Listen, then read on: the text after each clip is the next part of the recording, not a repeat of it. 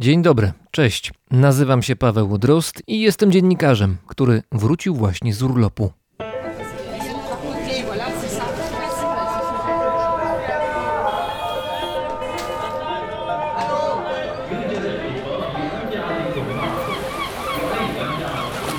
Brzmienie świata z lotu Drozda. W skrzynce pocztowej czekało na mnie trochę maili, w tym te najprzyjemniejsze od Was. Za wszystkie serdecznie dziękuję, a jeden z nich, mail od pana Piotra, pozwolę sobie teraz we fragmencie zacytować. Pan Piotr pisze tak.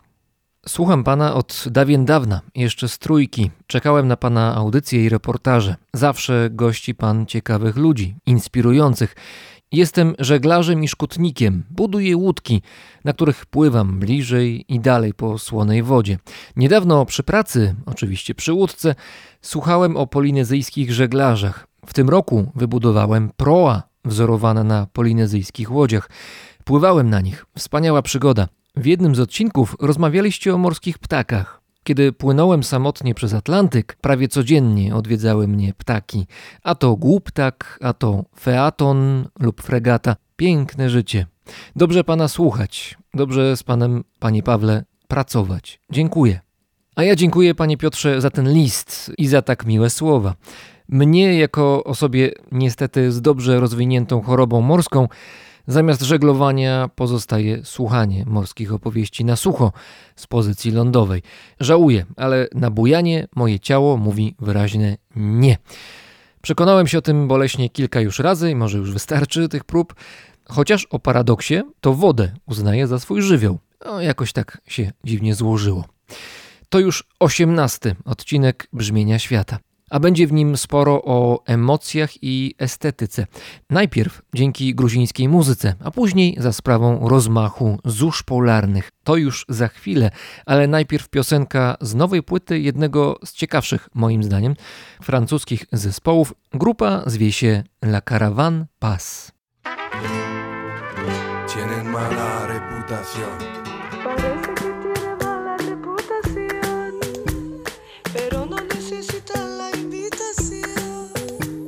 En el barrio mal hablando, todos dicen que te han visto. Como un perro callejero, se cayó solo vagando. Oh, je vagabonde comme un vagabundo, toutes les nuits, des crescendo. Je dérive sur le radeau du caniveau, et je me noie dans des copas de Tito. Parece que tiene mala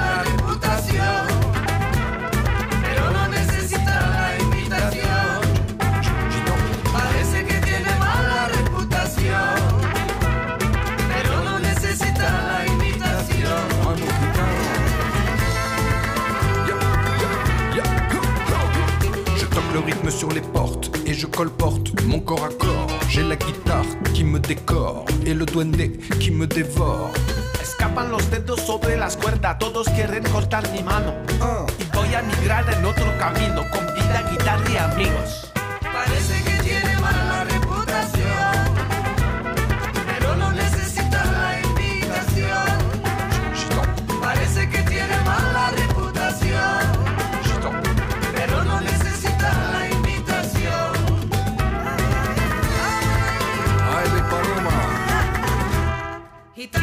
playa, amable, salvaje, a veces morena o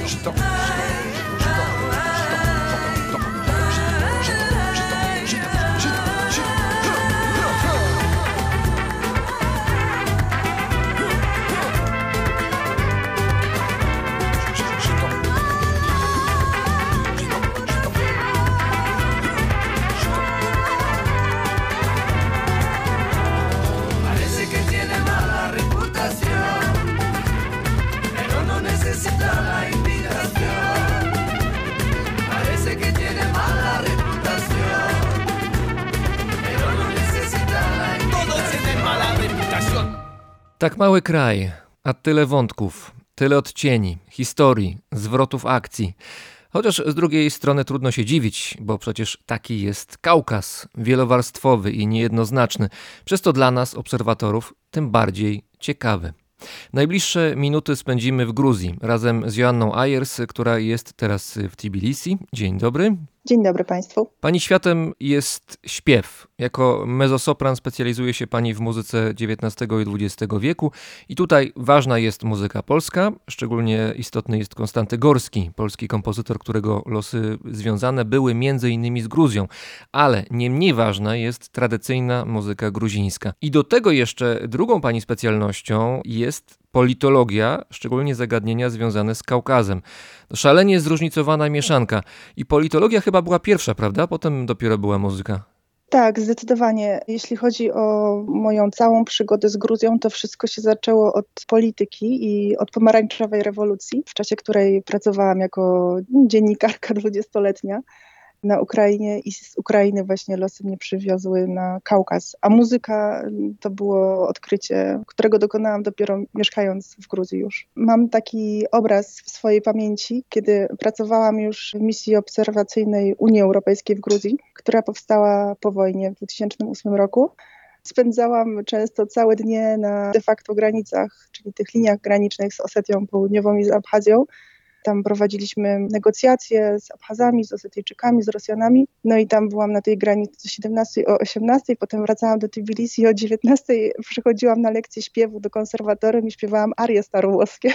Więc dla mnie to był tak wielki kontrast, że, że aż się sama śmiałam. Czasami pani profesor wieczorem mówiła, Asia, dlaczego dzisiaj nie masz siły? A ja jej mówię, no tak, no pani profesor, stałam 7 godzin na, na granicy i patrzyłam, jak tam Rosjanie z Kałasznikowy we mnie wymierzają. Taka kompensacja kompensacja. Z jednej strony wojenna i postwojenna rzeczywistość Gruzji, starcie, zderzenie, brak porozumienia, a z drugiej strony muzyka, która jak wiemy, potrafiła godzić obyczaje. Myślę, że to była w pewnym sensie jakaś taka odskocznia też dla mnie od tego życia takiego bardzo tu i teraz, gdzie trzeba było reagować właściwie momentalnie na każdą sytuację, bo wtedy to było jeszcze świeże po wojnie i, sytuacja była bardzo niestabilna. Ja, ja szukałam jakiejś od samych początków swojego świata, żeby się w tym wszystkim odnaleźć. No, muzyki się uczyłam od dziecka. Chodziłam do szkół muzycznych w Krakowie e, od małego. Skończyłam szkołę muzyczną pierwszego, potem drugiego stopnia w klasie śpiewu. Potem wyjechałam na studia do Londynu, gdzie właśnie skończyłam konfliktologię. I tam po drugiej stronie kampusu LSE London School of Economics chodziłam na zajęcia z jazzu, więc jakby zawsze u mnie to było takie wszystko paralelne zawsze było zainteresowanie światem, bo poszłam na studia politologiczne, dlatego że czułam bardzo głęboką potrzebę, aby zrozumieć świat, ale muzyka była dla mnie od zawsze bardzo ważna. Zresztą moja mama też śpiewa. I myślę, że dopiero w Gruzji nastąpił ten moment, kiedy muzyka stała się zupełnym priorytetem. I społeczeństwo gruzińskie bardzo mi w tym pomogło, ponieważ jak się spotka Gruzina, przeciętnego Gruzina gdziekolwiek, to zawsze będzie miał jakieś bardzo głębokie odniesienie do muzyki. I jak się mu powie, że się śpiewa muzykę gruzińską, to już w ogóle no, serce skradzione jest u Gruzina. Więc w życiu Gruzinów właściwie muzyka jest wszędzie i ciężko sobie wyobrazić jakieś spotkanie, czy to przyjaciół, czy nawet wrogów, którzy by nie śpiewali. Oczywiście tam na granicy w czasie negocjacji nie mieliśmy pieśni wykonywanych. Nie było śpiewów z żołnierzami no, rosyjskimi, raczej no, nie? Tam raczej nie widziałam nigdy, żebyśmy śpiewali z żołnierzami rosyjskimi, ale Myślę, że to byłaby tylko kwestia czasu, bo czasami tam jakieś pomiędzy negocjacjami odchodziły toasty za różne rzeczy, więc jak się tam napije człowiek kilka kieliszków, no tutaj na Kaukazie, no to automatycznie zaczyna śpiewać, tylko pewnie byłaby kwestia repertuaru, bo każdy akurat tam zna trochę inny repertuar. Zdajemy sobie sprawę z tego, że jak jest parę kieliszków, to rzeczywiście ten śpiew może na usta przychodzić i w Polsce to zjawisko też jakoś znane, ale jednak jest istotna jakość tego śpiewu. I tutaj myślę między Polską a Gruzją jest przepaść, dlatego że Gruzin, pewnie nie każdy, ale no modelowy, potrafi pewnie zaśpiewać dużo lepiej i zacniej niż Polak i ten repertuar też pieśniowy jest zupełnie inny. Ja bardzo zazdroszczę Gruzinom ich Ja nie wiem, czy to nazwać talentem tak naprawdę, bo mnie się wydaje, że to bardziej jest kwestia wychowania i obycia w tej muzyce. Muzyka tradycyjna właściwie towarzyszy dzieciom od małego. Bardzo często widzę w parku mamy, babcie, które śpiewają piosenki swoim dzieciom i to jest zupełnie naturalne, że właściwie czy się doi krowę, czy się lepi chinkali, czy się pracuje w polu, czy się usypia dziecko, czy dziecko jest chore i trzeba je wyleczyć, no to właściwie na każdą tę okazję jest inna pieśń. I oczywiście to zanika. Ja nawet widzę, że to się zmienia na przestrzeni tych kilkunastu lat, od kiedy ja zaczęłam tutaj jeździć, a potem mieszkać. No ale jest ogromna przepaść, jeśli by na przykład porównać to z Polakami. No, myślę, że bardzo kształcące dla takiego ucha muzycznego jest to, że ta muzyka tutaj jest przede wszystkim wielogłosowa. Oni się wychowali w tej wielogłosowości, najczęściej śpiewają na trzy głosy i mają taką wewnętrzną potrzebę. Nawet jakby się zaśpiewało Gruzinowi polską kolendę, to on momentalnie zaczyna myśleć, jak tutaj dorobić jeden głos na górze i jeden głos na dole. Zresztą były takie eksperymenty, wykonywanie polskich kolęd w stylu gruzińskim na trzy głosy, no i brzmi to przepięknie. Obcowanie z tą muzyką wielogłosową na co dzień w cerkwi, gdzie też się śpiewa wielogłosowo, sprawiło, że Gruzini są dużo bardziej wrażliwi na w ogóle na wysokość tonu, żeby zaśpiewać czysto, no bo nie da się zaśpiewać jak jest trzy głosy i nieczysto, to już w ogóle jest dramat. Jak tam po polsku Polak zafałszuje 100 lat, no to może jeszcze do przeżycia, ale jak trzy osoby w trzech głosach zaczną fałszować, no to w ogóle halo, gdzie my jesteśmy, więc ta muzyka jest dużo bardziej wymagająca, zdecydowanie. Jak poprzeczka od małego jest wyżej postawiona, no to człowiek się przystosowuje. No i oczywiście jest szereg innych czynników. Myślę, że to jest trochę tak, że może niekoniecznie geny tutaj mają znaczenie, ale rzeczywiście to wychowanie. Tutaj jako przykład takiego zjawiska, ale zupełnie z innej części świata, z Finlandii. Finlandia to jest taki kraj, który bardzo sobie cenię, jest mi bardzo bliski. Byłem bardzo zdziwiony i zaskoczony, że tak wiele zespołów muzycznych w Finlandii istnieje. Co więcej, te zespoły naprawdę trzymają poziom i często są naprawdę znakomite. Po sprawdzeniu okazało się, że to wynika jakoś z wychowania, to znaczy też z edukacji, z tego, że muzyka czy szerzej może wrażliwość na sztukę jest czymś istotnym w procesie nauczania, w procesie edukacji i potem są rzeczywiście efekty. Zresztą chociażby na Islandii, prawda, też jak się spojrzy, to też wielu Islandczyków, a kraj przecież bardzo niewielki, to są znakomici muzycy, o których słyszymy. Więc może w Gruzji jest podobnie, mhm. może to jest właśnie tak, że ta muzyka jest istotnym elementem życia. Tak, tutaj każda szanująca się rodzina posyła dzieci na zajęcia z muzyki i z tańca. W ogóle w czasach sowieckich każda szanująca się rodzina wysyłała przynajmniej jedno dziecko na studia do konserwatorium muzycznego. Zwykle to był fortepian. Dlatego właściwie w każdym domu, pamiętam jak przyjeżdżałam jeszcze kilkanaście lat temu, tu stał fortepian albo pianino. Teraz już jak przychodzi do egzaminów na fortepian do konserwatorium, to jest więcej miejsc niż kandydatów, więc to się zdecydowanie zmieniło i ludzie uważają, no, że muzyki nie da się wyżyć, no co w Gruzji niestety jest zwykle prawdą, ale ten szacunek do muzyki, do umiejętności zaśpiewania czegoś czy zagrania, jak się zapyta Gruzina, co decyduje o tym, że ty jesteś tym Gruzinem, z czego jesteś najbardziej dumny i tak dalej, to myślę, że w 99% powie, że właśnie na pierwszym miejscu jest to muzyka gruzińska. To jest to, co określa, że oni w ogóle są narodem gruzińskim. Tak myślę, że jeżeli jesteśmy turystami, przyjeżdżamy do Gruzji nawet któryś raz i zjemy trochę chinkali, wypijemy nie jeden kieliszek wina i coś może nawet liźniemy z historii tego kraju, rozmawiamy z Gruzinami, to już mamy takie wrażenie, ok, już weszliśmy niemal jak w masło w kulturę gruzińską, ale to nie jest tak. Gruzińska kultura, no w ogóle mówienie o tym, że jest jedna gruzińska kultura jest bardzo ryzykowne, ale nazwijmy to może na chwilkę w ten sposób. Gruzińska kultura wcale nie jest tak otwarta, jakby się mogło wydawać. Natomiast zdaje się, że dzięki właśnie muzyce, muzyce, dzięki śpiewowi, dzięki temu, czym się pani zajmuje w Gruzji jako mezosopran, dało się wejść w tę kulturę dużo głębiej. Zdecydowanie. Poznawanie muzyki przede wszystkim tradycyjnej pozwoliło mi zrozumieć tę kulturę i przede wszystkim mentalność, sposób postrzegania świata na zupełnie innym poziomie. No ja wracając trochę do tego wątku politologicznego, dość szybko odkryłam, mając cały czas z tyłu głowy, no to jak to się stało, że te konflikty tu się narobiły i w ogóle skąd ci Abchazowie, skąd ci Osetyjczycy, czy oni są miejscowi, czy napływowi, to takie bardzo ważne pytania na Kaukazie odkryłam, że, że może muzyka jest właśnie tą sferą, na którą politycy nie zwracali tak wielkiej uwagi na przestrzeni ostatnich tam, dajmy na to 100 czy 200 lat, manipulując polityką, bo każdy, kto trochę liznął historię Kaukazu wie, że no tutaj dowiedzieć się, co się naprawdę stało kilkaset lat temu, to jest praktycznie niemożliwe, bo każdy ma swoją historię i swoją wersję.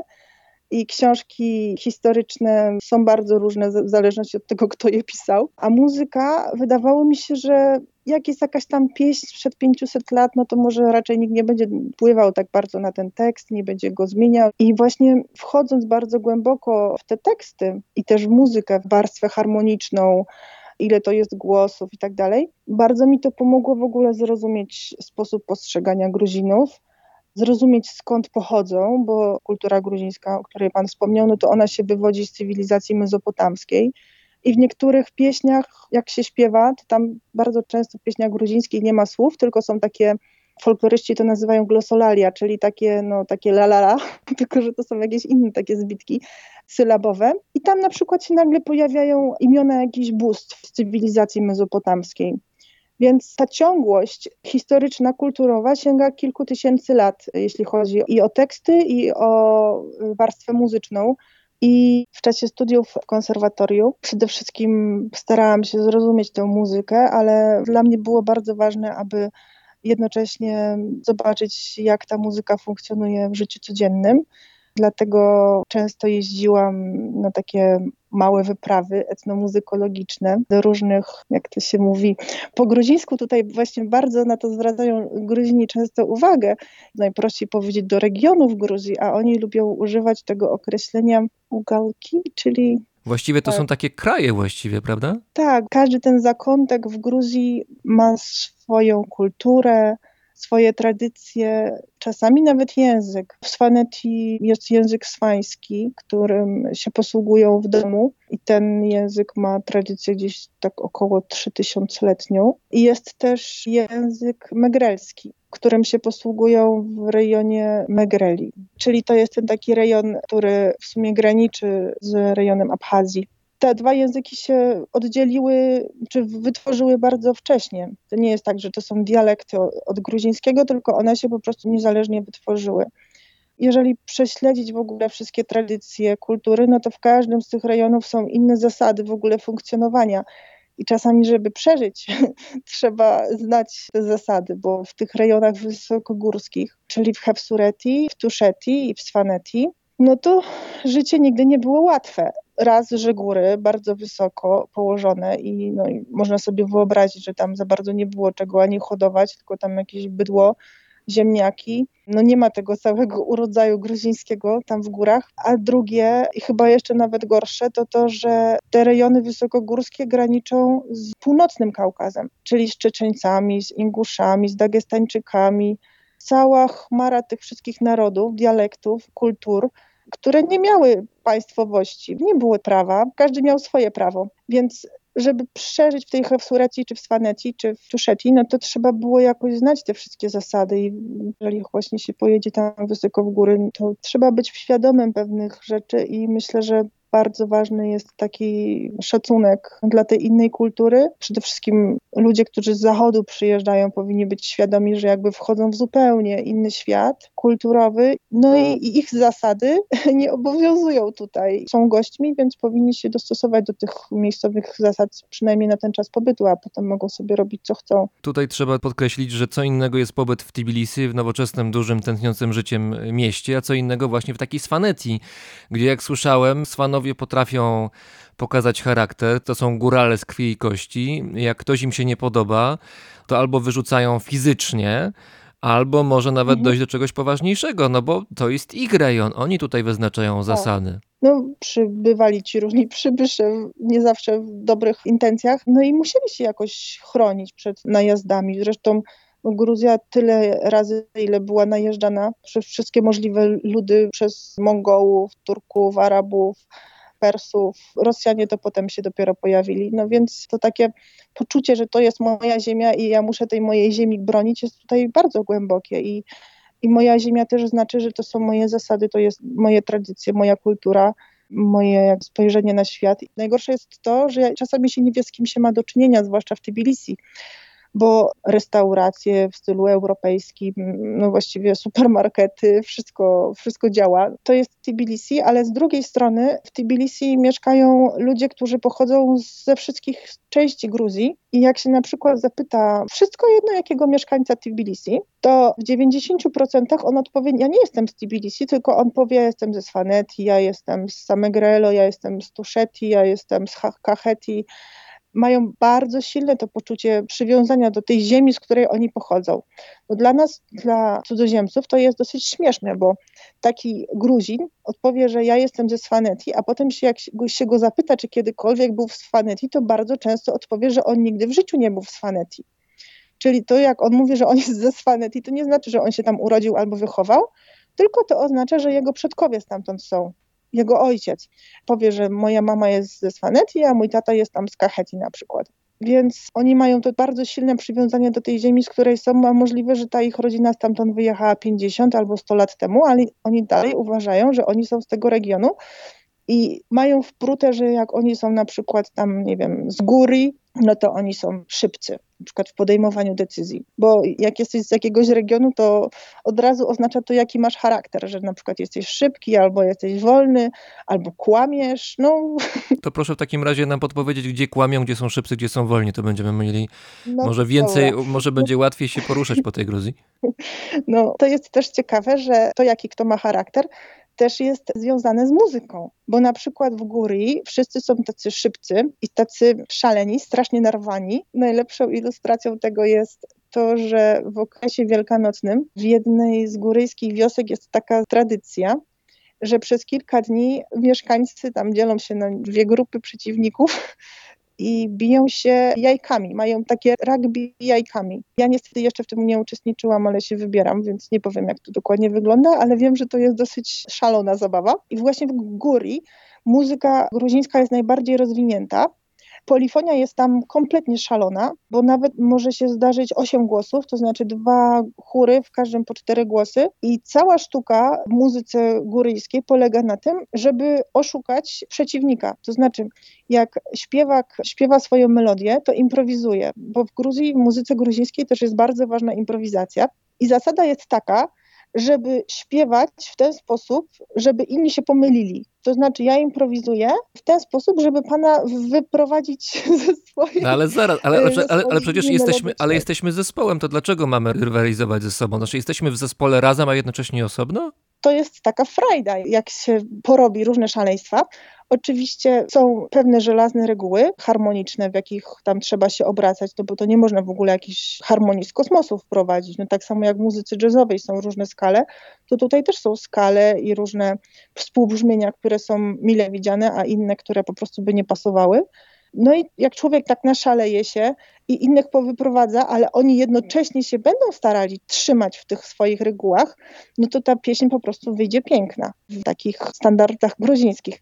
Ostatnio na przykład była taka ogromna impreza na kilkaset osób, która trwała kilka dni, właśnie w Góry. To była rocznica jednego bardzo znamienitego śpiewaka gruzińskiego i też założyciela ważnego chóru. I były tam dwa bardzo ważne zespoły wykonujące muzykę gruzińską, no to oni właśnie ze sobą rywalizowali, śpiewając albo razem, albo też śpiewali tak, że na przykład pierwszy chór śpiewał jakąś znaną pieśń, a potem śpiewał ten drugi chór tę samą pieśń i rywalizowali, kto lepiej zaśpiewa. No ale to trochę inna rywalizacja, ale to jest też ciekawe, że kto lepiej zaśpiewa, to znaczy w Gruzji, kto zaśpiewa w wersji najbardziej zbliżonej do tego oryginału, a za oryginał się uważa pierwsze albo nie wiem, drugie, no jedno z pierwszych nagrań, które są dostępne muzyki gruzińskiej, czyli tam, no dajmy na to z początku XX wieku jakieś nagranie, ktoś sobie bierze i, i stara się zaśpiewać tak, jak właśnie oni śpiewali, to wtedy to jest najlepiej możliwe wykonanie. Często dla europejskiego ucha to jest w ogóle coś, no nieładnego, bardzo takiego topornego, prymitywnego, ale właśnie dla gruzińskiego ucha to jest najlepsze, bo to jest najbardziej zbliżone do tradycji. A o czym śpiewają Gruzini w tych tradycyjnych pieśniach? To znaczy, jaka jest ich treść? o wszystkim. Właściwie trzeba by inaczej zadać pytanie, o czym nie śpiewają. Pieśni miłosne, pogrzebowe, towarzyszące narodzinom dziecka, leczące dzieci z chorób, pieśni na Nowy Rok, pieśni na Boże Narodzenie, pieśni na Wielkanoc, pieśni do pracy w polu przy różnych pracach. To jest też związane na przykład z tym, w jakim regionie się co tam zbiera, czy tam się zbiera herbatę, czy akurat się tam coś innego robi w tym polu, więc pieśni oczywiście związane z winobraniem, z całym jakby rytuałem związanym z szykowaniem wina, z piciem wina. Pieśni są bardzo ciekawe, pieśni lecznicze. Ja w czasie swoich studiów w konserwatorium właśnie specjalizowałam się przede wszystkim w pieśniach leczniczych czyli taka tradycyjna muzykoterapia i to jest bardzo ciekawe i w Gruzji, a w Abchazji jeszcze ciekawsze, bo tam na przykład są specjalne pieśni, które wykonuje się dla osób, które zostały na przykład zranione kulą, które się wykonuje przy wyjmowaniu tej kuli, albo pieśni dla osób, które uległy pożarowi i mają jakąś ranę po pożarze. No. Jeżeli chodzi o te pieśni lecznicze, to tutaj istotne jest brzmienie, rodzaj harmonii, która jest w danej pieśni zawarta, czy jednak tekst jest istotny? Generalnie w muzykoterapii się uważa, że lecznicza jest muzyka, więc najważniejsza jest ta faktura muzyczna, czyli brzmienie. Bardzo ważne jest, jakim głosem się wykonuje. Też są specjalne instrumenty, na których się towarzyszy temu śpiewowi, więc na przykład taki instrument chuniri, on jest uważany za instrument, który pomaga leczyć chorego. Potem jest cała seria rytuałów, które się wykonywało.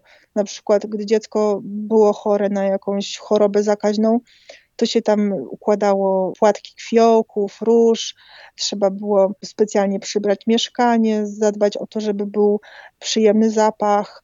Też były różne zwyczaje, na przykład co jedzono, czego nie jedzono. Nawet był taki zwyczaj, że rodzice w tym czasie, kiedy dziecko jest chore, nie powinni uprawiać seksu. Właściwie no, cały kod kulturowy, który się zachowywało. I to też było bardzo silnie związane z mitologią i z wierzeniem bóstwa, ponieważ w zależności od tego, w jakim regionie Gruzji, czy tam w Abchazji, czy w innych rejonach, wierzono, że te niektóre choroby były przynoszone przez różne bóstwa i też cały jest jakby szereg wierzeń, dlaczego to bóstwo przyniosło tę chorobę i tak dalej.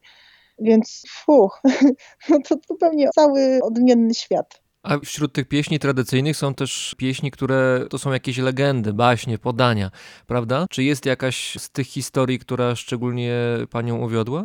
No ja mam taką jedną swoją ukochaną pieśń, ale ona akurat nie jest taką legendą na przykład o jakimś bohaterze, jak w Swanetti tam się na przykład śpiewa o bohaterach tam przed tysiąca lat, to ja mam taką swoją ukochaną pieśń o poecie, który żył 100 lat temu, więc no 100 lat temu to nie jest bardzo stara pieśń, to jeszcze trudno nazwać mitem czy legendą. No moje ukochane pieśni w ogóle to pochodzą z Samegrelo i też z Tuszetti. Pamiętam jak przyjechałam w 2005 roku. Pamiętam właśnie jechaliśmy marszrutką i ta marszrutka się w pewnym momencie gdzieś tam zatrzymała. No wtedy mi się wydawało, że to w polu, to pewnie był jakiś taki przystanek i tam stała taka pani, która sprzedawała różne kasety magnetofonowe. No od zawsze miałam coś takiego, że jak wyjeżdżałam za granicę, to przede wszystkim najważniejsza była dla mnie muzyka i chciałam sobie kupić jakąś płytę albo kasetę, więc kupiłam sobie dwie kasety wtedy, w ogóle nie mając pojęcia o tym, co kupuję, no ale tak po okładce. Potem przyjechałam z tą kasetą do Krakowa. Tak się strasznie zakochałam w tej muzyce, że w ogóle no, kompletnie oszalałam. Kaseta się już pewnie dawno zjechała. To była właśnie muzyka z z wykonawczynią Lelą Tatarajdze, pewnie teraz ma około 70 lat. I jedną pieśń śpiewała tak przejmująco, no, że ja po prostu marzyłam tylko o tym, żeby się tej pieśni nauczyć. Kompletnie nie miałam pojęcia o tym, co ona śpiewa. Pamiętam, gdy przyjechałam już na dłużej, to zaczęłam się uczyć tej pieśni. Nauczyłam się jej po prostu tak śpiewać, nie rozumiejąc w ogóle tekstu, tylko się po prostu jej nauczyłam śpiewać. Ona była wykonywana z Towarzyszeniem Instrumentu Panduri. Wtedy jeszcze nie grałam na żadnym instrumencie i poprosiłam jedną Polkę, która akurat wtedy się uczyła gruzińskiego, żeby mi przetłumaczyła ten tekst. No okazało się, że ten tekst przetłumaczyć jest ciężko, bo on jest napisany w dialekcie, więc Polka, która się uczyła gruzińskiego, no nie rozumiała większości słów, ale jej pani profesor pomogła. No i okazało się, że to jest pieśń śpiewana przez matkę swojemu synowi, który zginął. Taka pieśń lament, bardzo, bardzo przejmującym tekście. Ja się potem nauczyłam tej pieśni też grać. Na pandury nie gram, ale gram na czunguri, który ma o jedną strunę więcej i wykonuję tą pieśń do dzisiaj i zauważyłam, że jak na przykład coś się takiego bardzo stanie no, smutnego w życiu, na przykład pamiętam pół roku temu byłam w Krakowie i dowiedziałam się, dostałam telefon od cioci, że wujek umarł.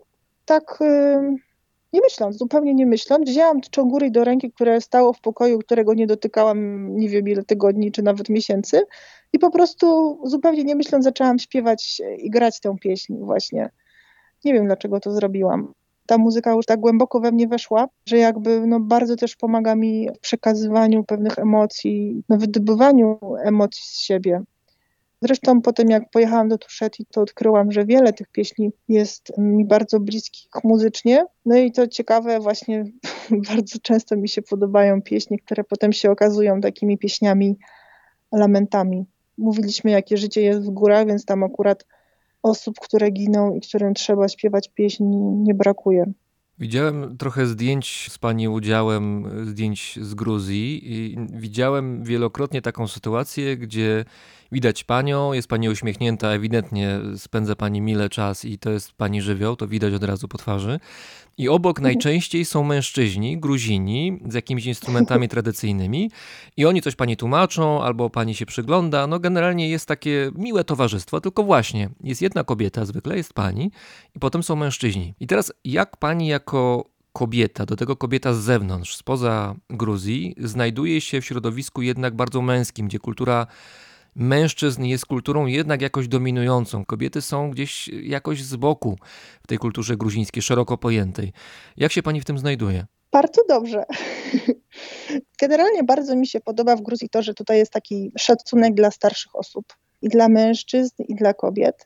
I bardzo dobrze się dogaduję właśnie tutaj ze starszymi osobami. Dużo częściej mi się zdarzały jakieś nieprzyjemności od mężczyzn w Europie niż w Gruzji. Nie, nie przypominam sobie, żeby ktokolwiek mi zrobił kiedyś jakąś krzywdę albo uraził, albo coś takiego. Odpowiadając na Pana pytanie, ja mam dużo łatwiej, będąc kobietą z zewnątrz, niż gdybym była kobietą z Gruzji, bo kobieta z Gruzji musi się trzymać pewnych zasad. Kobiecie z Gruzji wiele rzeczy nie wypada, a kobieta z zachodu nie musi się trzymać tych zasad i ona jest traktowana w takich środowiskach, tam w górach, jako gość. A gość z zachodu to już nie ma takiego znaczenia, czy to jest kobieta, czy to jest mężczyzna. To jest po prostu gość.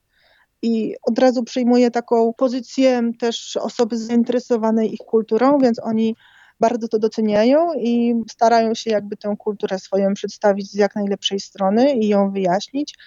Zresztą te osoby, które tam są na tych zdjęciach, bo domyślam się, o których Pan zdjęciach mówi, to są osoby, które jakby wprowadziły mnie w świat pewnych instrumentów, właśnie w Swanetti.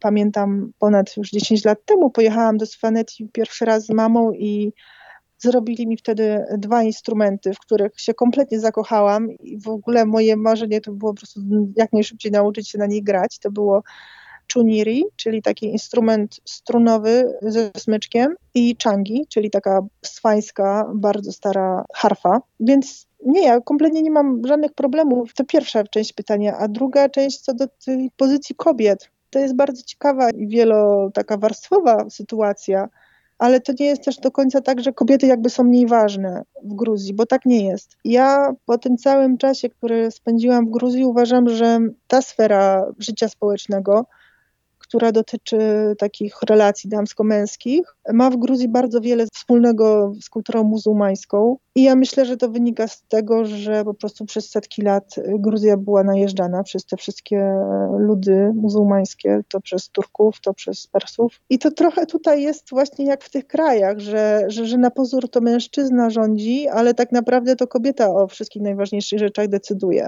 Tutaj jeszcze doszła taka rzecz, że w latach 90., kiedy no było bardzo ciężko w Gruzji, po tych wszystkich wojnach domowych, ani pracy, ani jedzenia, ani prądu, ani gazu, no właściwie nic, to kobiety sprawiły, że te rodziny przeżyły, przetrwały i że w ogóle państwo przeżyło, no bo jakby rodziny nie przeżyły, no to kto by tutaj został?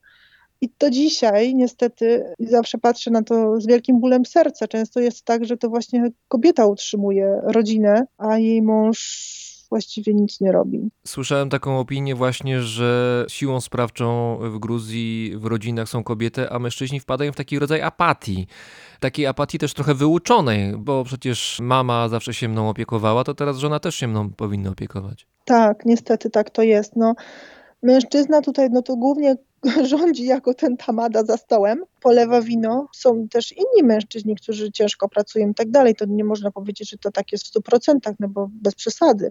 No ale myślę, że porównując z innymi krajami, to dużo jest takich właśnie mężczyzn, którzy siedzą na ławce na przykład pół dnia z kolegami, albo grają w nardy, albo siedzą przed telewizorem. Tak jak właśnie pan mówi, wpadają w taką apatię. Ale może to też jest wygodna pozycja, prawda, że nie trzeba. No na pewno jest to wygodna. No, generalnie nie spotkałam Gruzina, który mi kiedykolwiek powiedział, że Gruzini są pracowitym narodem. Oni sami o sobie mówią, że no, nie lubią pracować. No więc wydaje mi się, że jak, no jak jest okazja, żeby nie pracować, no to po co się męczyć? Przeżyć tutaj można, zwłaszcza, że zawsze rodzina pomoże. Cudzoziemiec nigdy nie będzie miejscowym, nawet jakby nie wiem, co by robił i jak się starał, i ile czasu tutaj spędził, nawet więcej niż 100 lat, to nigdy nie będzie miejscowym, bo nigdy nie należy do żadnej rodziny ani do żadnego klanu. A tutaj jak się należy już do jakiejś rodziny czy do klanu, to się ma właściwie gwarancję, że się przeżyje. I jak jeszcze na przykład komuś z twojej rodziny się dobrze wiedzie, no to powinieneś oczekiwać, że ta osoba ci pomoże. W ten sposób jest tutaj dużo łatwiej przeżyć niż na zachodzie, bo jakby nawet jak ty nie masz pracy, a tą pracę ma albo twoje dziecko, albo twój kuzyn, ktokolwiek, nawet najdalsza rodzina, ktokolwiek ci po prostu pomoże. I też mają taką bardzo daleką pamięć. Jeżeli na przykład ktoś inny pomógł spoza rodziny komuś 100 lat temu, to ta osoba się dalej może spodziewać, że nastąpi jakaś wymiana. Na przykład bardzo często fajny zwyczaj, którego właściwie zazdroszczę. Jak ktoś umrze w jakiejś rodzinie, to nie dość, że się cała rodzina składa i w ogóle pomaga w przygotowaniu tego całego obrządku pogrzebowego, to znaczy wszyscy mężczyźni z całej rodziny jeżdżą, załatwiają wszystkie tam formalności, całą imprezę. Kobiety w tym czasie się zbierają i szykują potrawy w kuchni, a inne rodziny zaprzyjaźnione przychodzą i dają pieniądze na ten cały pochówek, no bo pogrzeb w Gruzji to jest naprawdę kosztowna sprawa. I mają to zapisane w zeszycie i pamiętają o tym potem bardzo długo. Wspomniała Pani wcześniej, że kultura muzyki, śpiewu, bliskości tego śpiewu i muzyki dla każdego Gruzina, ona jest wciąż silna, ale jednak jakoś słabnie, no bo czasy się zmieniają. Ale tutaj mam taki przykład, który nie wiem, czy jest typowy dla Gruzji, czy nie, ale dosyć młodych ludzi i zespół, który też zyskał aplauz za granicą. W internecie jest dosyć popularny. Mam na myśli trio Mandili. Trzy kobiety, które śpiewają tradycyjne pieśni gruzińskie a capella właśnie takim trójgłosem. One na YouTubie są dosyć popularne. Tam się skład trochę zmienił w ostatnich latach, ale jest to jakaś marka rozpoznawalna, przynajmniej poza Gruzją. Czy tego typu zespoły właśnie czy grupy przyjaciół, młodych ludzi, którzy śpiewają, to jest coś dla Gruzji typowego, czy nie? Myślę, że tak, że bardzo często się zdarza, że parę osób, kolegów, koleżanek, przyjaciół spotykają się i, sobie muzykują. No, znam bardzo wiele takich grup czy osób. Zresztą na przestrzeni ostatnich jakichś trzech lat pojawił się taki fenomen muzyków ulicznych. Wcześniej tego nie było, a teraz naprawdę na każdym rogu stoją jacyś młodzi ludzie i grają i śpiewają naprawdę na bardzo wysokim poziomie i wykonują czasem muzykę gruzińską, ale coraz częściej muzykę zachodnią w języku angielskim. Więc tych muzykujących osób no, jest na pęczki. Myślę, że gwiazd wystarczyłoby na cały świat, tylko że no, ten świat muzyczny tutaj jest taki jeszcze cały czas sobie, bardzo oddzielony od reszty świata. Właściwie przemysł muzyczny tutaj jeszcze kompletnie nie dotarł. Więc YouTube to jest podstawowe źródło w ogóle komunikacji muzyków gruzińskich ale z drugiej strony, już nie mówiąc o muzyce, ale o całym życiu, to no ja nawet w ciągu tych 10 lat widzę ogromną zmianę w ogóle w funkcjonowaniu społeczeństwa. Pamiętam jakieś 10 lat temu taką moją rozmowę z Amerykaninem, który mieszka tutaj jeszcze dłużej niż ja. I tak się śmialiśmy, że a na tym zachodzie to jak tam trzeba się czegoś dowiedzieć, no to się pisze do kogoś tam maila, czy na Facebooku, czy tak przez internet. Tutaj wystarczy pójść do sąsiada albo zadzwonić, zaraz znajdzie rozwiązanie.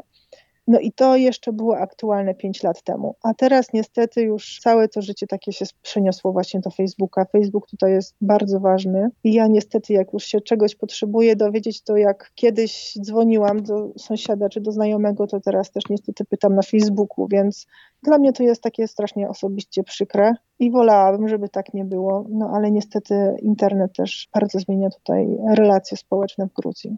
Z Tbilisi mówiła do nas Joanna Ayers, którą można posłuchać gdzieś w internecie, prawda? Jest pani jakoś dostępna muzycznie? Tak, jest trochę nagrań, a niedługo zacznę swój wideoblog, w którym będę się starała przybliżać muzykę Kaukazu i tradycje tych wszystkich narodów, więc zapraszam. Bardzo dziękuję. Wszystkiego dobrego. Dziękuję.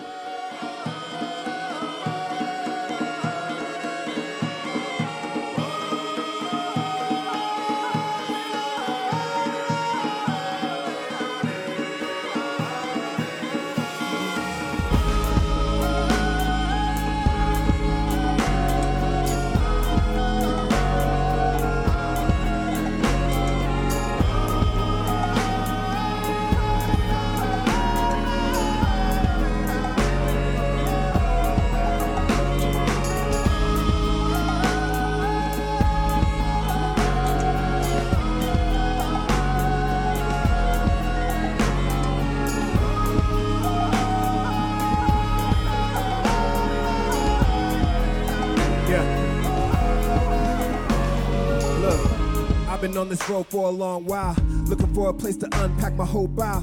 Find an area that's promising for domicile, but ultimately have to leave cause it's assumed that I'll defile. The neighborhood, yeah, you can go, but gotta leave your style. These bantu knots and cornrows, leave a pile. These slang, these clothes, and old soul, leave a pile. But what you still doing here, nigga, leave a town. You contaminate our kids with your black skin. I ain't being racist cause I got a lot of black friends, huh? They didn't really meet you, just your representative. If that was really you, my stay here wouldn't be tentative. I ain't trying to go, but damn, you call the cops now. And they ain't trying to talk, you gon' get me shot down. Ain't gonna be no trial, just sound bites of outrage. If not that, they gon' find any reason to lock cage.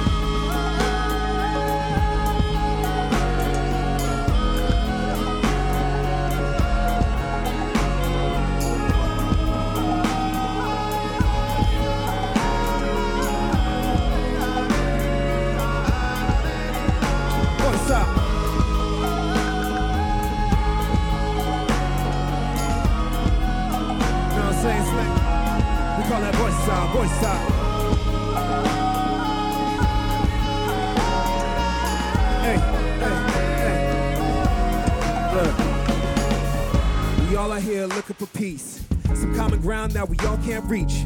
A place to unpack before we deceased. A legacy of forever, though life is least. Similarities I see with my peeps overseas. Georgians working hard, praying at the saints' knees. To climb the highest mountain like Caucasus the breeze. The feeling like a cold stare the world dared you to see. My family never thought that they would see us. To me, our highest mountain was a Motown. We passed it with ease. Everything wasn't a cakewalk, we still achieved. We had each other through the hard times to build a reprieve.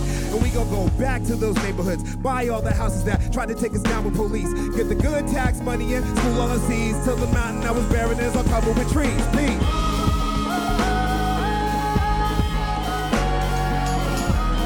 Yeah, now we call that voice side, voice side. And you, and you, and you, and you. Now seriously, we call that voice side, voice side.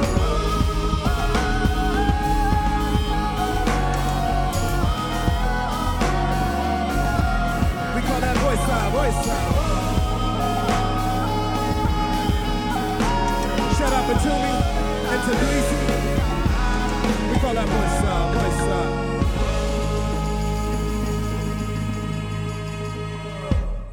Czas pracy od wieczora niemal do świtu.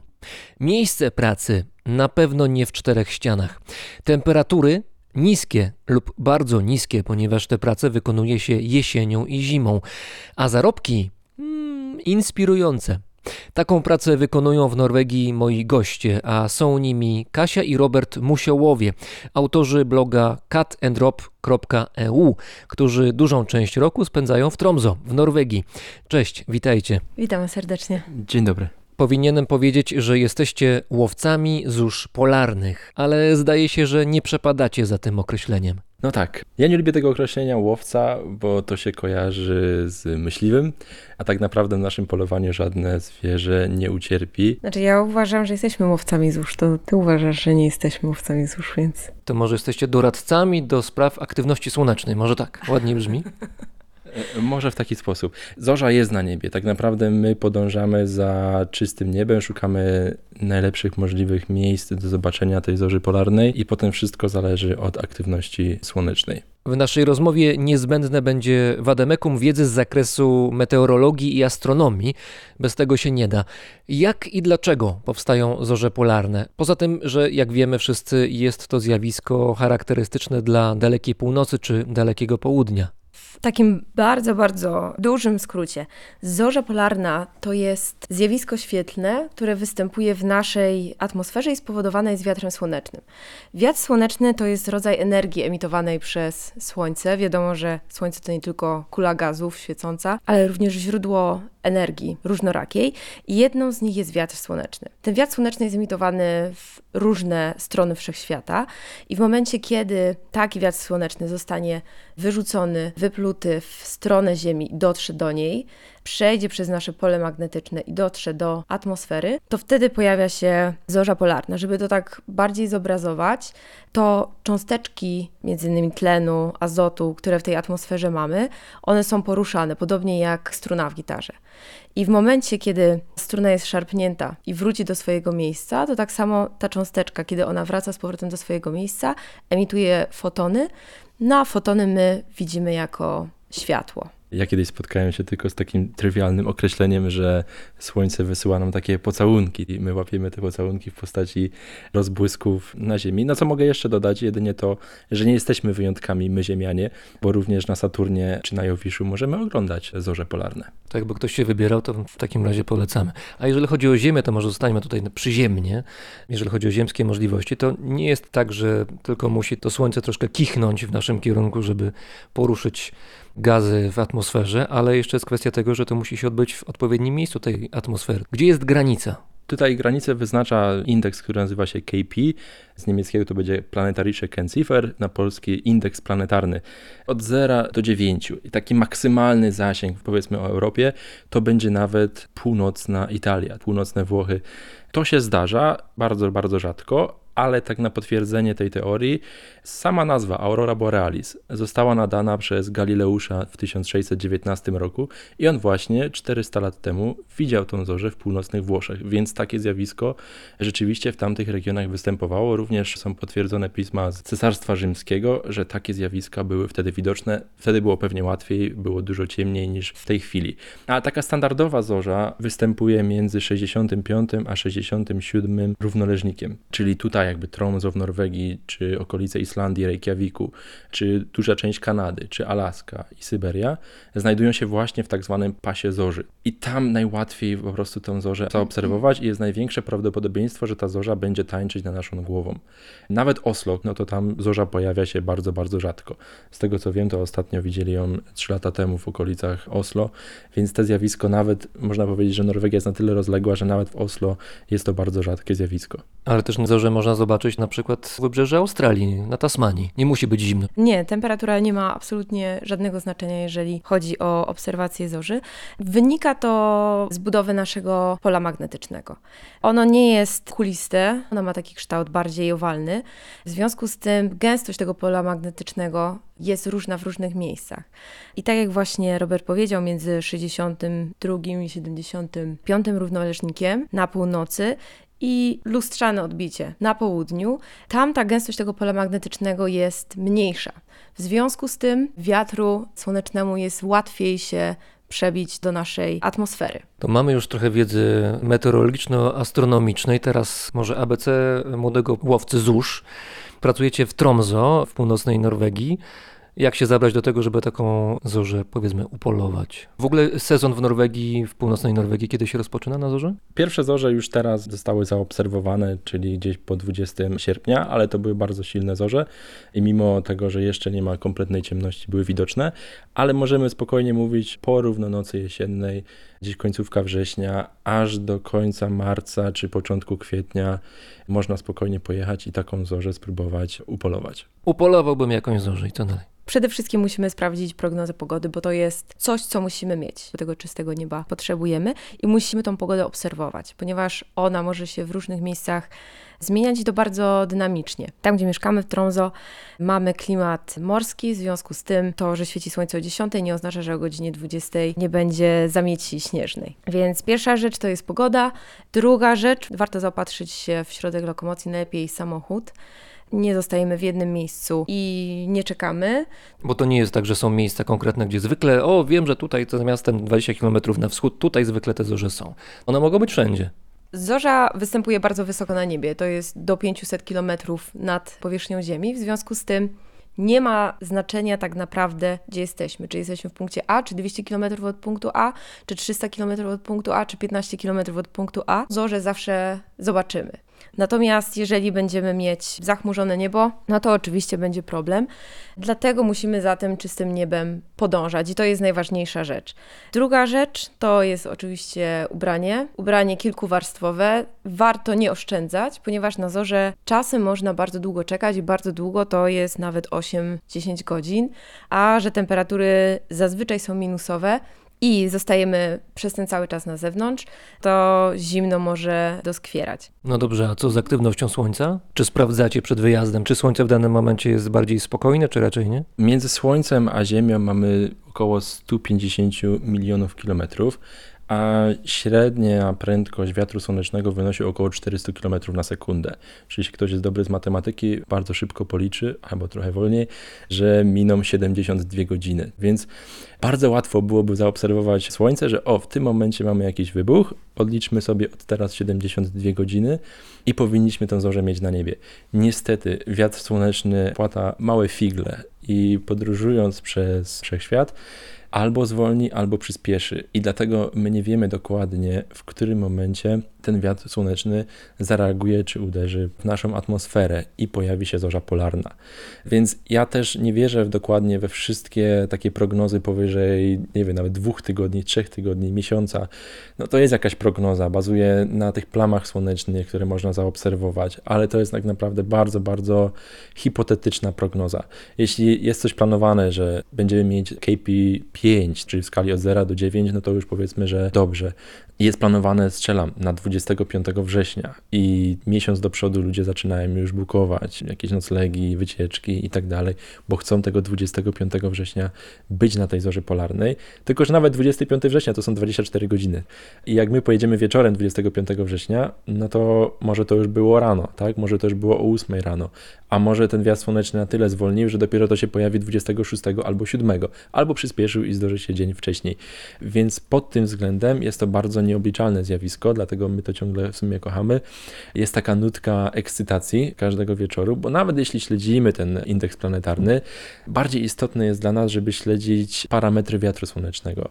I tutaj są instytuty, które śledzą ten wiatr słoneczny i są grafy do 24 godzin do tyłu. Na podstawie tego, co się wydarzyło ostatniej godziny, jaka była ta prędkość, gęstość, temperatura, możemy wywnioskować, co będzie się działo dalej. Dalej to znaczy następnego dnia. No nawet nie następnego dnia, już mówimy tutaj o najbliższych minutach, godzinach, nawet następnej pół godzinie. Jeśli widzimy teraz, że jest jakieś poruszenie na tym grafie, no to możemy powiedzieć, że w najbliższe pół godziny czy godzinie coś zacznie się porządnego na tym niebie dziać. Dobrze, tylko że ja mieszkam w Chinach. Pół roku wcześniej zarezerwowałem sobie wycieczkę do Tromso, bo tam słyszałem są te północne światła. Przyjeżdżam, leciałem 17 godzin samolotem, wylądowałem, hura, wreszcie dzisiaj patrzę na zegarek, tak to dzisiaj ma być, a tu nic. Ty mówisz o ekscytacji, bo będzie, nie będzie. Taki chiński turysta, czy jakikolwiek inny, również polski przecież, który przyjeżdża i ma nadzieję, wydał pieniądze, ma nadzieję, żeby zobaczyć, no to może być rozczarowany. Pewnie często się z tym spotykacie. My zawsze radzimy wybrać się przynajmniej dwa, trzy razy na takie polowanie. Safari. Tropienie, można by było lepiej powiedzieć.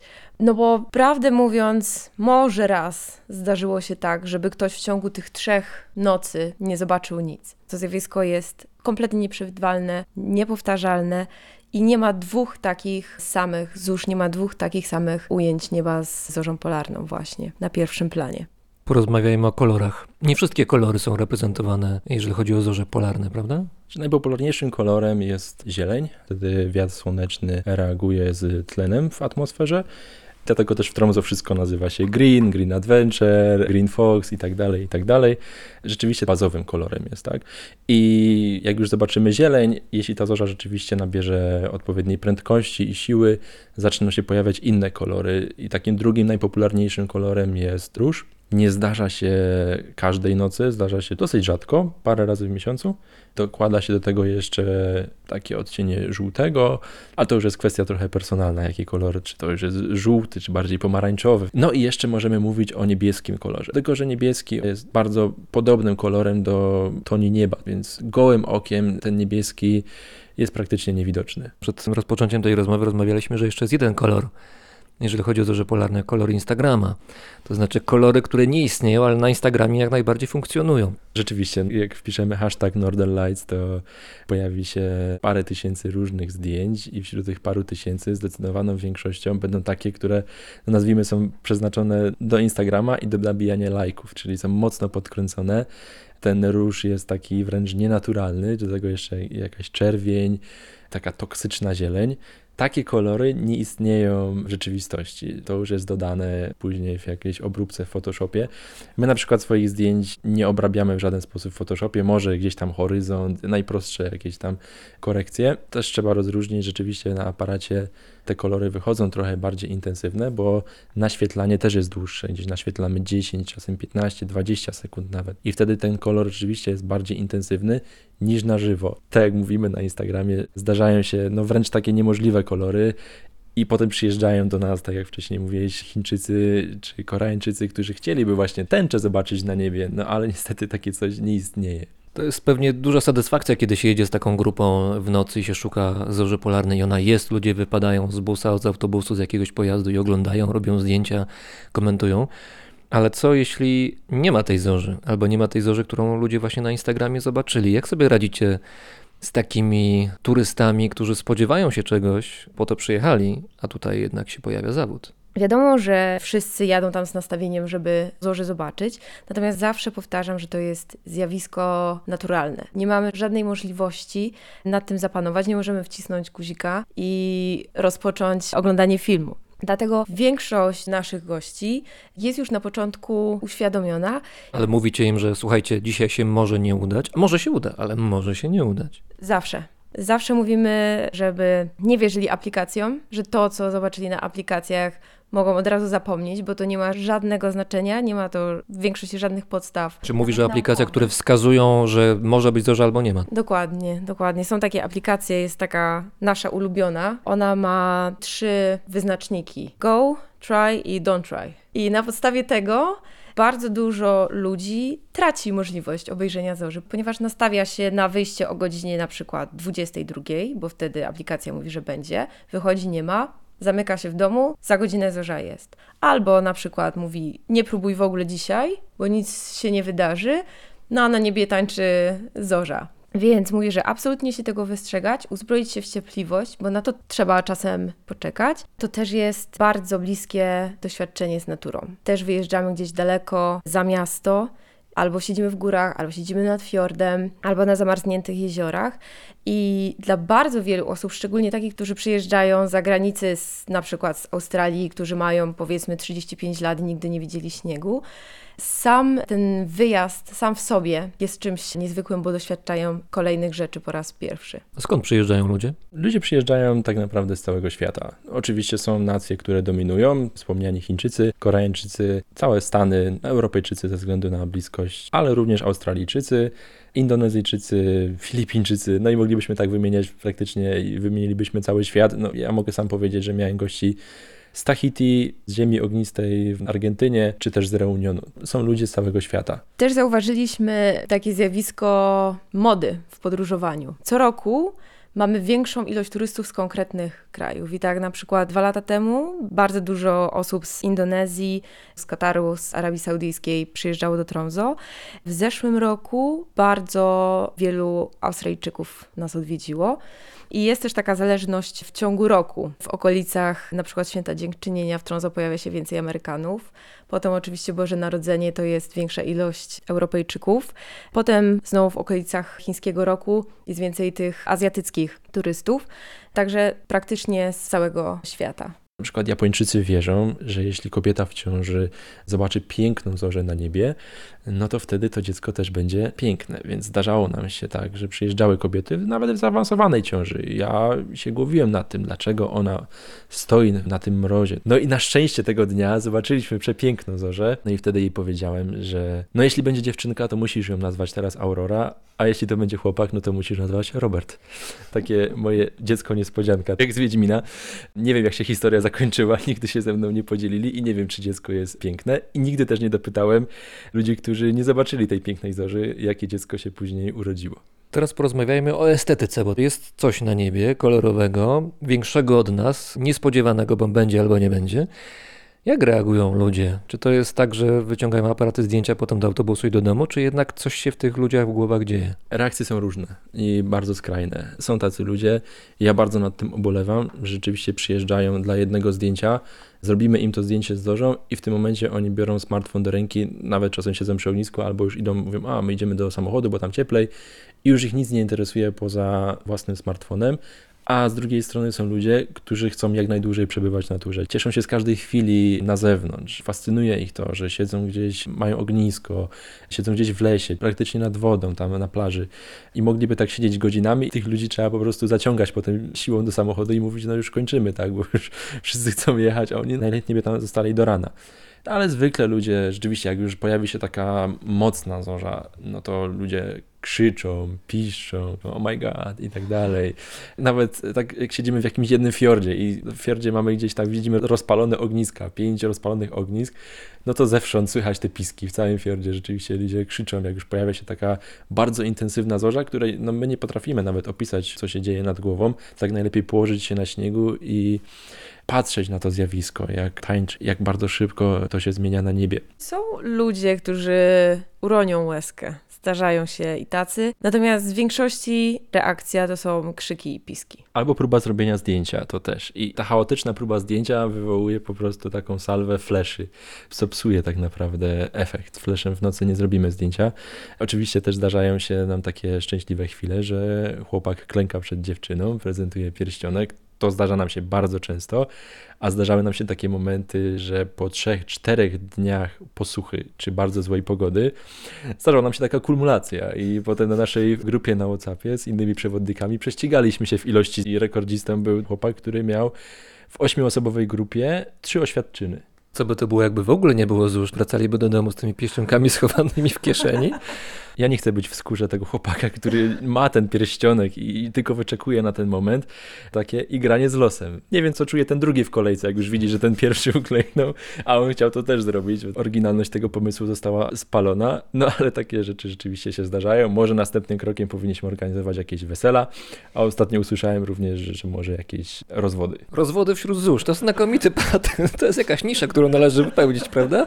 Słuchajcie, nie będę was prosił o to, żebyście cytowali te piski i, i krzyki, które się zdarzają, kiedy ludzie zobaczą, ale jak wy reagujecie po tych kilku latach kontaktu z tym zjawiskiem? To jest wasza praca, ja rozumiem, ale jednak jesteście na pewno jakoś czuli na to, co się dzieje nad waszymi głowami i dla was to też jest jakoś nowe zjawisko, bo ono jest niepowtarzalne, za każdym razem jest inne. Ale jednak jest takie samo. Prawdę mówiąc, i wiem to nie tylko z własnego doświadczenia, ale z doświadczenia też innych przewodników, my za każdym razem reagujemy tak samo. Czyli tak samo jak ci wszyscy, którzy widzą to po raz pierwszy, że jesteśmy pełni ekscytacji i też większość z nas cieszy się, krzyczy, piszczy, no bo to jest rzecz niepowtarzalna. I trzeba być naprawdę pasjonatą, żeby przez 6 miesięcy w roku każdą jedną noc spędzać na zewnątrz w zimnie, potem odsypiać w środku dnia, więc to nie jest praca dla ludzi, którzy nie są w to całym sercem zaangażowani. O której godzinie zwykle kończycie pracę? To oczywiście zależy i od gości, i od warunków pogotowych, i od tego, gdzie pojedziemy, ale najczęściej zaczynamy o godzinie powiedzmy 17 naszą pracę i kończymy gdzieś w okolicach drugiej, trzeciej w nocy, ale zdarzają się dni, kiedy wracamy o czwartej, piątej. Kiedy panuje noc polarna, nam to nie robi żadnej różnicy. Przesypiamy ten fragment dnia, kiedy jest chwilę jaśniej, no i tak już żyjemy po prostu. Przestawiamy się na taki tryb nocny, śpimy w ciągu dnia i budzimy się i jest dalej ciemno.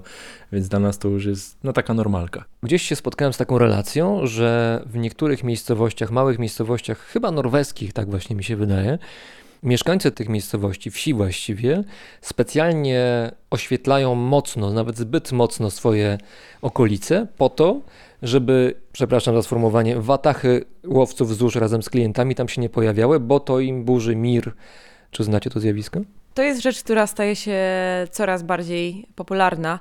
Z ostatnie 10 lat to był ciągły rozwój tej branży i pojawiało się coraz więcej firm, pojawiało się coraz więcej turystów. Oczywiście każdy swoich gości chce wziąć w ciemne, ustronne miejsce. W związku z tym tych samochodów w tych ciemnych, ustronnych miejscach, gdzie ludzie mieli swoje chyty, gdzie chcieli wypocząć, było coraz więcej. Szczególnie w weekendy, szczególnie w okresie świąt. Czyli pewno zderzenie oczekiwań i potrzeb następowało. W niektórych takich najbardziej popularnych miejscach trzeba przyznać tak. Ostatni rok czy dwa to był taki czas, gdzie rzeczywiście było tych gości dużo. Wiadomo, nie wszyscy zachowywali się tak jak powinni, nie wszyscy zostawiali po sobie porządek. W związku z tym ci lokalni mieszkańcy, niektórzy w ten sposób walczyli.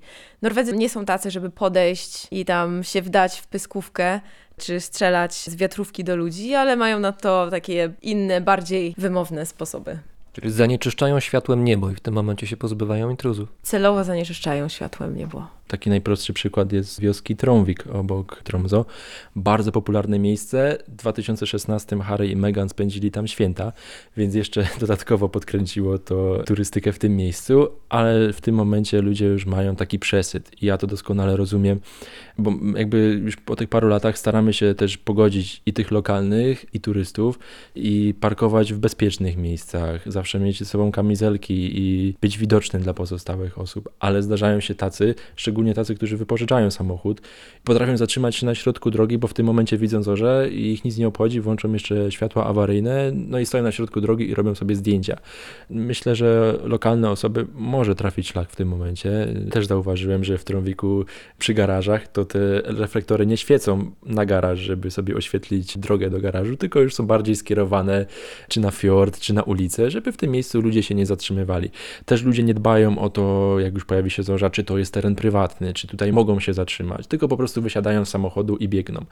Ja bardzo osobiście też sceptycznie podchodzę do tych dużych wycieczek 50-osobowych. Taki autokar zatrzymuje się i oni im gwarantują, że zawsze będzie ciepło, więc ten autokar przez 6 godzin ciągle ma włączony silnik. No już nie mówimy tutaj o kwestiach ekologicznych w tym momencie, no ale też o jakimś hałasie dla pozostałych sąsiadów. No i też te 50 osób też wiadomo generuje jakiś hałas, mnóstwo światła, każdy z nich ma włączoną latarkę, chodzi po ciemnym polu czasami gdzieś odejdzie na bok, żeby na przykład skorzystać z toalety.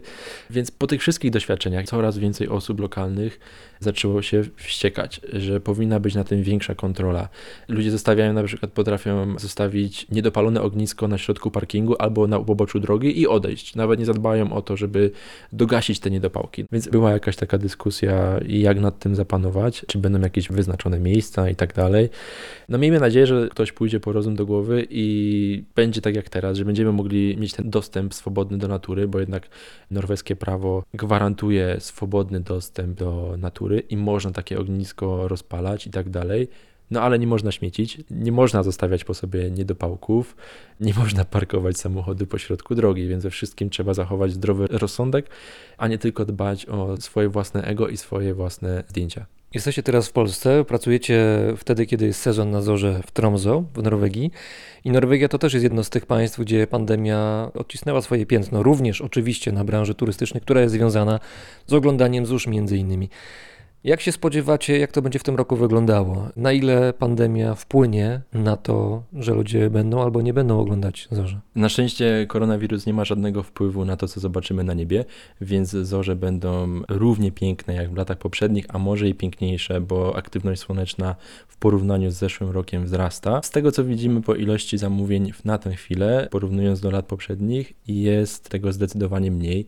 Wiadomo, że są duże ograniczenia w podróżowaniu. Norwegia jest zamknięta na kraje spoza Europy, a nawet większość Europejczyków musi odbyć w tej chwili kwarantannę niestety. Być może się to wkrótce zmieni, ale paradoksalnie my uważamy, to będzie dobry rok, żeby wybrać się na zorzę polarną, żeby mieć ją tylko i wyłącznie dla siebie. Jeśli chcesz się oświadczyć swojej dziewczynie, przyjedź, nikt nie będzie ci tego zakłócał i nie będziesz stał w kolejce. Rozwodnicy, przybywajcie. Tak, ale rzeczywiście firmy też zmieniają trochę twój profil na bardziej takie wycieczki prywatne, dla rodziny czy dla pary i będą podróżować prawdopodobnie tylko i wyłącznie z taką grupą znajomych, to nie będą przypadkowi ludzie.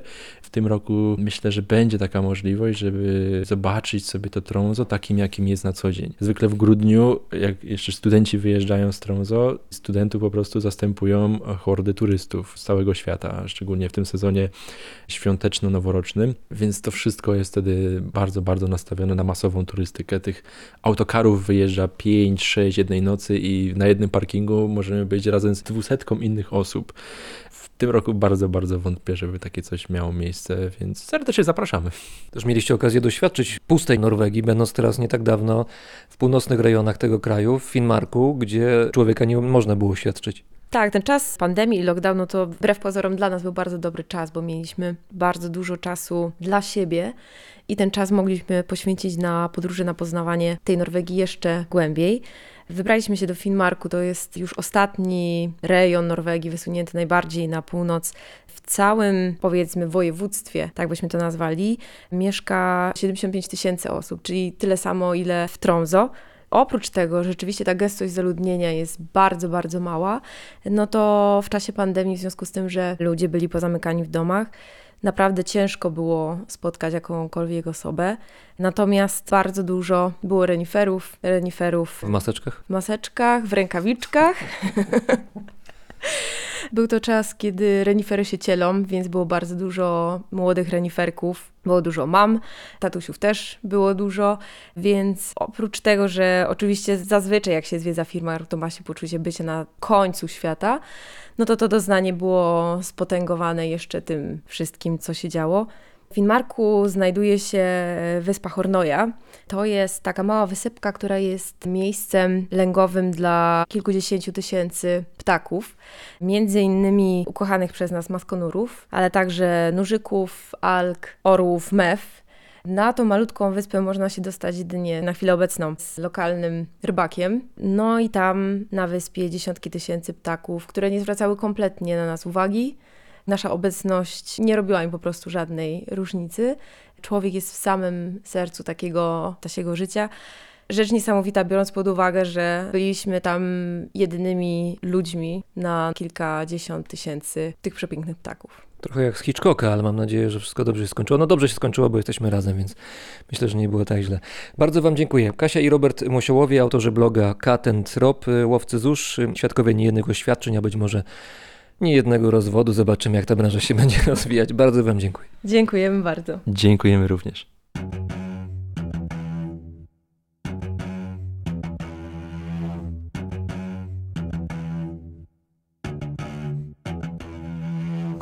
Den grå huden min har matcha med serpen. Betongen er en følelsesløs. Og blokkene vi bor i, er kvalt i tåken. Jeg er en påfugl. Jag er en påfugl Jeg er en påfugl Jeg er en påfugl Pappa hadde flyktningbolig, dårlig råd. Og nå har søstera mi kåk oppi Holmen Call. Og det er måten jeg er på, så jeg gråter når jeg grå. Der og på måten kråker leker påfugler på kræ. Kræ, motherfucker, kræ. Åssen går ragen? Bra, fucka bra. Det går mamma, pappa jeg elsker begge selv om Jeg data en hvit chick og ting fløy veggimellom Mamma sa det er en rase å kaste ting. Det gjør deg rasende, raser og kaster ting. Jeg setter folka mine under baldakin for å hasle, men aldri hasta for å passe inn. Disse svardingene vet dette stemmer med. Vi er det eneste bandet som kan være stemmen nem Svennegjengen min han poser nonstop og M&M's. Og alle pengene ved tenna dems. Den grå huden min har matcha med serpen Betongen er en følelsesløs. Og blokkene vi bor i er kvalt i tåken Jeg er en påfugl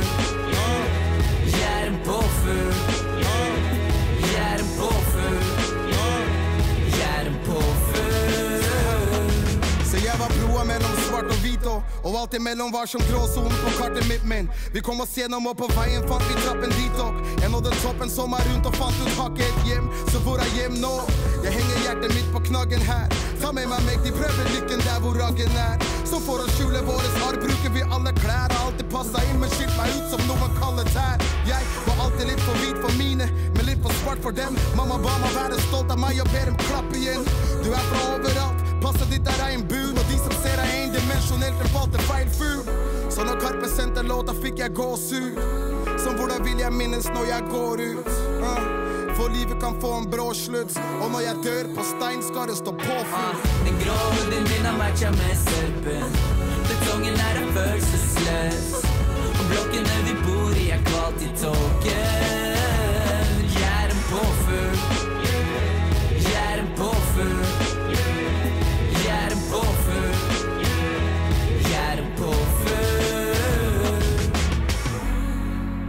Jævel hata påfugler. Tok den jævelen med seg grå kuler. Og det er ikke første gang jeg står på en scene, men de på første rad er overlevende. Og jeg er påfugl. Fjerne hjemme gåsehud, og livet mitt er all good. Og vennene mine er nonstop, min lillebror er påfugl. På stedet der jeg vokste opp, og folks språk er stygt. Han gråter i det stille, og byen vår har fått bikiniskille. Annerledes finner du ikke drømmen etter en blokk? Jeg pleide å prøve å lage Mitchell ut av krøllene med voks. Ah, han gjorde det som i fjor, han gjemte fargekart. Men når det barn er stort, så ser det halen bak. Som han skal være stolt til bildet byen har som malt. Samme hva du tenkte timen etter at det smalt. Den grå huden min har matcha med sørpen. Betongen er en følelsesløs. Og blokkene vi bor i, er kvalt i tåken.